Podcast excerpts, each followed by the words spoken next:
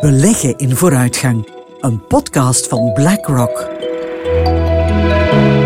Goedemorgen iedereen, welkom bij de nieuwe podcast van BlackRock. Wij ontvangen vandaag Olivier Pauls om het te hebben over duurzaam beleggen, sustainable investment. Welkom Olivier. Even uh, verduidelijken wat je functie precies is. Ja, absoluut. Uh, dus ik werk nu bijna anderhalf jaar bij BlackRock binnen het uh, multi-asset team. Dat betekent het team dat eigenlijk gemengde beleggingsportefeuilles gaat beheren, die zowel in aandelen als obligaties beleggen. En dan specifiek naar meer op maat gemaakte oplossingen.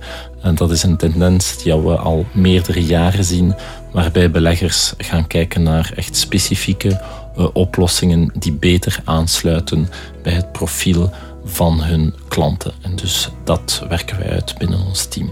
Oké. We gaan het hebben over duurzame beleggingen. Duurzaam, dat zit in de lift en uh, dat heeft grote gevolgen ook voor de financiële markten. Wat zijn voor jullie wat in het jargon heet Capital Market Assumptions of CMA's en waarom zijn die zo belangrijk? Misschien eerst dat moeilijk woord even toelichten. Capital Market Assumptions zijn dus onze verwachtingen voor de kapitaalmarkten. Dit betekent heel concreet onze verwachtingen qua rendement en risico voor verschillende type activa-klassen, aandelen, obligaties, maar ook op een veel meer granulair niveau Europese aandelen, Amerikaanse aandelen. Wat gaan die qua rendement genereren voor de komende vijf jaar, tien jaar, twintig, zelfs dertig jaar. En ook voor verschillende munten in functie van eh, de klant in euro, in dollar enzovoort. Die oefening doen we op trimestriële basis. Dus één keer per kwartaal gaan we gaan kijken wat zijn onze aangepaste verwachtingen qua rendement en risico op basis van onze laatste inzichten, onze visies op de financiële markten, maar ook op de aangepaste macro-economische situatie. Waarom is dat belangrijk? Je, tweede vraag, wel ik zou zeggen omwille van twee redenen eh, eigenlijk. De eerste reden is dat die kapitaalmarktverwachtingen, zoals ik zei, toekomstgericht zijn en niet naar het verleden kijken. Waarbij eh, anderen eerder naar het verleden kijken, kijken wij liever naar de toekomst omdat het verleden in ons ogen weinig of niets zegt over toekomstige rendementen. Kijk bijvoorbeeld naar de obligatiemarkten die hebben de voorbije decennia fantastische rendementen kunnen neerzetten, dankzij die altijd maar dalende rente. We verwachten niet dat er nog veel ruimte is voor de rente om verder te dalen. Dus is dat rendementspotentieel naar de toekomst toe voor obligaties ook redelijk beperkt. Dus naar de toekomst kijken is voor ons belangrijk in plaats van naar het verleden te kijken. Een tweede element, waarom zijn die, die verwachtingen zo belangrijk, is dat dat een fundamenteel onderdeel is van hoe we een portefeuille, een gemengde portefeuille gaan opbouwen. Door de combinatie te nemen van aandelen en obligaties en dus dat verwachte rendement samen te brengen, kunnen we betere portefeuilles, meer robuuste portefeuilles bouwen voor de klanten. Je hebt het bij beleggingen natuurlijk altijd over risico en rendement. En als we het dan hebben over die uh, kapitaalmarktverwachtingen, uh, meer bepaald rond duurzaam uh, beleggen, moeten we ook kijken naar impact. En wat is voor jullie de impact van de klimaatverandering op jullie kapitaalmarktverwachtingen? Ja, ik denk dat dat een zeer belangrijke vraag is. En in onze ogen gaan beleggers op vandaag nog te weinig rekening houden met die klimaatverandering. Om een heel concreet voorbeeld te geven, 2020 heeft een geschatte kost gezien van natuurrampen gelinkt aan klimaatverandering van 200 miljard dollar. Een recordbedrag, dus gelinkt aan natuurrampen, de kost van die natuurrampen. En dus in onze ogen is het belangrijk dat beleggers daar meer en meer rekening gaan houden. We hebben dat vorig jaar reeds gezegd. Klimaatrisico is beleggingsrisico, dus er is een risico waarmee beleggers moeten rekening houden, maar er is eigenlijk ook een heel grote opportuniteit. En die opportuniteit kan ook tot groei leiden. Groei gelinkt aan het feit, gelinkt aan die, die grote hoeveelheid van groene infrastructuurprojecten die er zitten aan te komen, maar ook naar allerhande oplossingen die momenteel worden uitgewerkt om de emissie van koolstof te gaan eh, beperken of zelfs helemaal tot nul uh, terug te brengen. Dus al die ontwikkelingen um, kunnen bijkomende groei genereren en dus logischerwijze ook een opportuniteit zijn voor beleggers. Geldt dat voor alle sectoren, voor alle bedrijfsactiviteiten? Daar is belangrijk om een onderscheid te maken en dat is, als ik het zo mag zeggen, de, de, de, de basis van die aangepaste kapitaalmarktassumpties die nu bewust zijn van het klimaat, dat er inderdaad een onderscheid moet gemaakt worden op het uh, sectoriële, op het industrieniveau, omdat we inderdaad zien dat bepaalde sectoren meer zullen genieten van die klimaattransitie of die meer klaar zijn voor die klimaattransitie dan anderen. En om dat heel concreet te maken, de technologiesector en de gezondheidssector zijn volgens ons de twee sectoren die het meest gaan, gaan profiteren of die het meest klaar zijn voor die klimaatverandering. En niet enkel de klimaatverandering, maar ook de acties die nu voorzien zijn op het vlak van wetgeving, maar ook op het vlak van uh, maatregelen die genomen worden om die Parijsakkoorden te bereiken. De technologiesector bijvoorbeeld staat daarin op zijn eigen al redelijk ver, maar is waarschijnlijk ook een deel van de oplossing.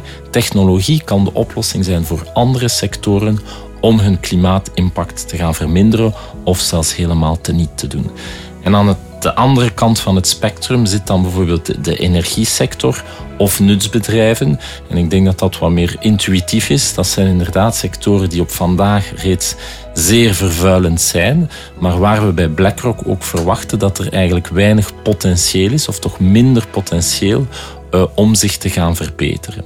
En dus dat verschil tussen die die groenere sectoren en die misschien uh, eerder vervuilende uh, sectoren, dat verschil heeft een impact op die kapitaalmarktassumpties. Die kan oplopen tot 7% jaarlijks verschil in rendement ten opzichte van een, een, een situatie waarbij er geen actie zou worden ondernomen tegen de klimaatverandering.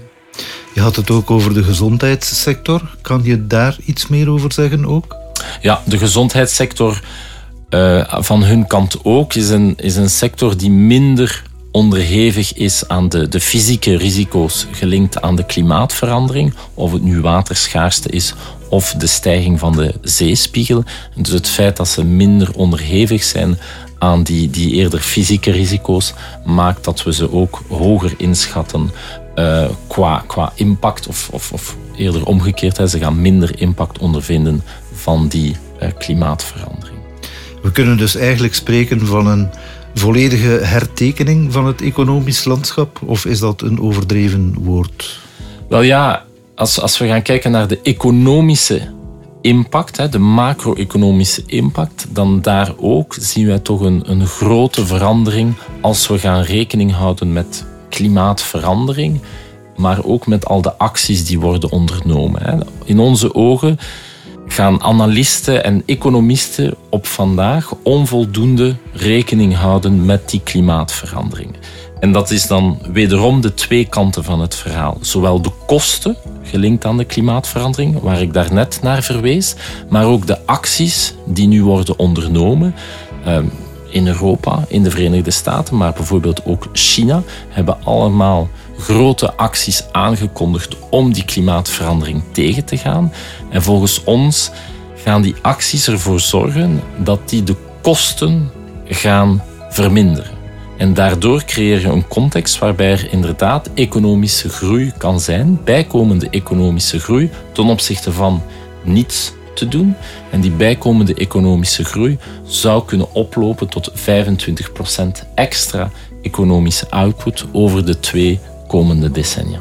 Extra groei die niet schadelijk is dan voor de planeet. Nee, effectief, want die extra economische groei komt van de acties die ondernomen zullen worden om die klimaatverandering tegen te gaan of alvast toch te proberen in te perken.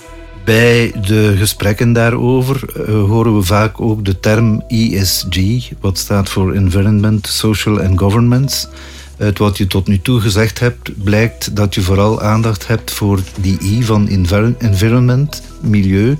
Betekent dat dat die andere elementen minder belangrijk zijn, het social en governance aspect? Absoluut niet. Ehm, die zijn minstens even belangrijk. De reden waarom we ze niet opnemen in onze kapitaalmarktassumpties is dat, zoals ik denk ik tot nu toe al, al wat heb uitgelegd, die kapitaalmarktassumpties, dat is een, een, een kwantitatieve benadering. Hè. Meten is weten, kunnen we eigenlijk ergens uh, zeggen.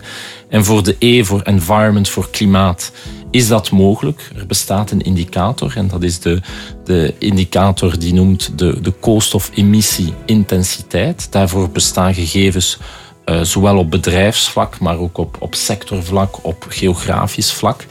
Dus die kunnen we gebruiken. En daar bestaat ook consensus voor op de markt van dat is een goede indicator om die impact op het klimaat te gaan meten. Voor S en voor G, dus voor het sociale en het, het goed bestuur, is dat veel minder het geval. Er bestaat niet echt een eenduidige indicator, een KPI. En er is ook uh, geen consensus op de markt dat dat een, een goede manier is om dat te gaan meten. Dus opnemen in de kapitaalmarkt assumpties is dan moeilijk, maar is wel een opportuniteit om te gaan toepassen in actief beheer. De kapitaalmarktassumpties dienen om het verwachte rendement van de brede markt te gaan bepalen en zo te helpen in het opbouwen van een portefeuille. S en G gaan dan toedragen bij het actieve beheer als de beheerder gaat individuele aandelen, individuele bedrijven gaat kiezen, dan kan hij S en G gaan toepassen. Dus zeker niet minder belangrijk, het vergt een, een andere invalshoek eerder. Als we dan kijken naar het milieu, hebben we het vooral over klimaat. Maar je hebt ook uh, elementen zoals mobiliteit en energie. Zien jullie dat als aparte elementen of als onderdelen precies van het bestrijden van het klimaatprobleem? Dat is een, een inherent onderdeel uh, van de, de, de volledige klimaatverandering. Want mobiliteit en, en, het, het bredere kader van alles dat gelinkt is aan het verkeer is een, is een belangrijke bron uh, van koolstofuitstoot. En dus daar ook acties ondernemen is uh, eveneens belangrijk. Maar valt onder dat hele kader van oplossingen te willen zoeken. En, en ik denk dat nu wel duidelijk is dat overheden overheen, uh, de, overheen de hele wereld acties willen ondernemen. En het feit dat er nu die acties zijn, maakt dat ten opzichte van een scenario waar er niets gebeurt, dat er een opportuniteit is om toch die economische groei te, te, te, creëren, maar dan op een manier die bewust is van het klimaat en, en die eigenlijk het klimaat geen schade toebrengt. Ondernemingen die aandelen en obligaties op de markt brengen en die jullie dan gaan uh, bekijken met jullie kapitaalmarktverwachtingen, spreken veel over hun acties. En er wordt terecht, denk ik, ook wel eens gewezen op het fenomeen greenwashing. Hoe kijken jullie daarnaar en hoe zorgen jullie ervoor dat, dat de bedrijven zich daar niet kunnen aan bezondigen, bij wijze van spreken? Ja, ik zou zeggen, er zijn twee zaken. Enerzijds de, de kapitaalmarktassumpties, zoals we hebben besproken, draaien meer rond de, de verwachtingen, de brede verwachtingen qua rendement en risico per sector, uh, per land. Dus dat gaat niet over het individuele bedrijf. Maar dan als we, de, de, om, om de vraag concreet te beantwoorden, op het individuele bedrijfsniveau, ja, gaan we als BlackRock de, de interactie aan met dat bedrijf door investment stewardship. Dus als aandeelhouder een, een, een, een actieve uh, lijn, uh, communicatielijn te hebben met die bedrijven om zulke zaken te bespreken en ook te begrijpen wat hun intenties zijn, wat hun acties zijn om hierin te verbeteren. Dan zijn we inderdaad op het niveau gekomen van de bedrijven. En kan je dan wat meer verduidelijken hoe jullie nu op portefeuilleniveau daarnaar kijken? Ja, op portefeuilleniveau hebben dus die, die, die aanpassing van die kapitaalmarktassumpties en dus ze klimaatbewust maken een aantal fundamentele uh, gevolgen. Enerzijds gaan we in een, een, een typisch gemengde portefeuille met aandelen, obligaties, cash gaat die aanpassing naar een, een klimaatbewuste portefeuille tot gevolg hebben dat we meer in aandelen gaan beleggen dan voorheen en dus iets minder in uh, obligaties. De reden daarvoor is dat die outperformance waar ik daarnet over sprak, um, dat die groter zal zijn voor aandelen ten opzichte van obligaties. Dus we zien meer ruimte voor obligaties om te gaan, voor uh, aandelen, sorry, om te gaan outperformen ten opzichte van uh, obligaties. Dus een hogere uh, weging aan aandelen in de portefeuille. En dan geografisch gezien eerder ook ontwikkelde landen ten opzichte van groeilanden, omdat groeilanden eigenlijk disproportioneel onderhevig zijn aan de fysieke gevolgen van de klimaatverandering. Of het nu waterschaarste is, of uh, natuurrampen, of de stijging van de zeespiegel. Dat gaat helaas meer groeilanden treffen dan de ontwikkelde landen. En dus gaan we bij gevolg ook meer investeren in uh, ontwikkelde landen, in die klimaatbewuste portefeuille. Maar de wereld staat natuurlijk niet stil en er kan altijd van alles gebeuren. Dus ik veronderstel dat het daarom is dat jullie elke drie maand uh, dat opnieuw gaan bekijken. Ja, dat klopt volledig. Dus één keer per kwartaal gaan we die verwachtingen herzien. Zoals gezegd kunnen die verwachtingen wijzigen omwille van een, een verandering in de, in de macro-economische context of onze visie op de financiële markten. Maar dus nu ook omwille van die, die, die klimaatinvloed en, en dan vooral met betreffende tot acties die worden ondernomen of die worden aangekondigd dat uh, die zullen ondernomen worden.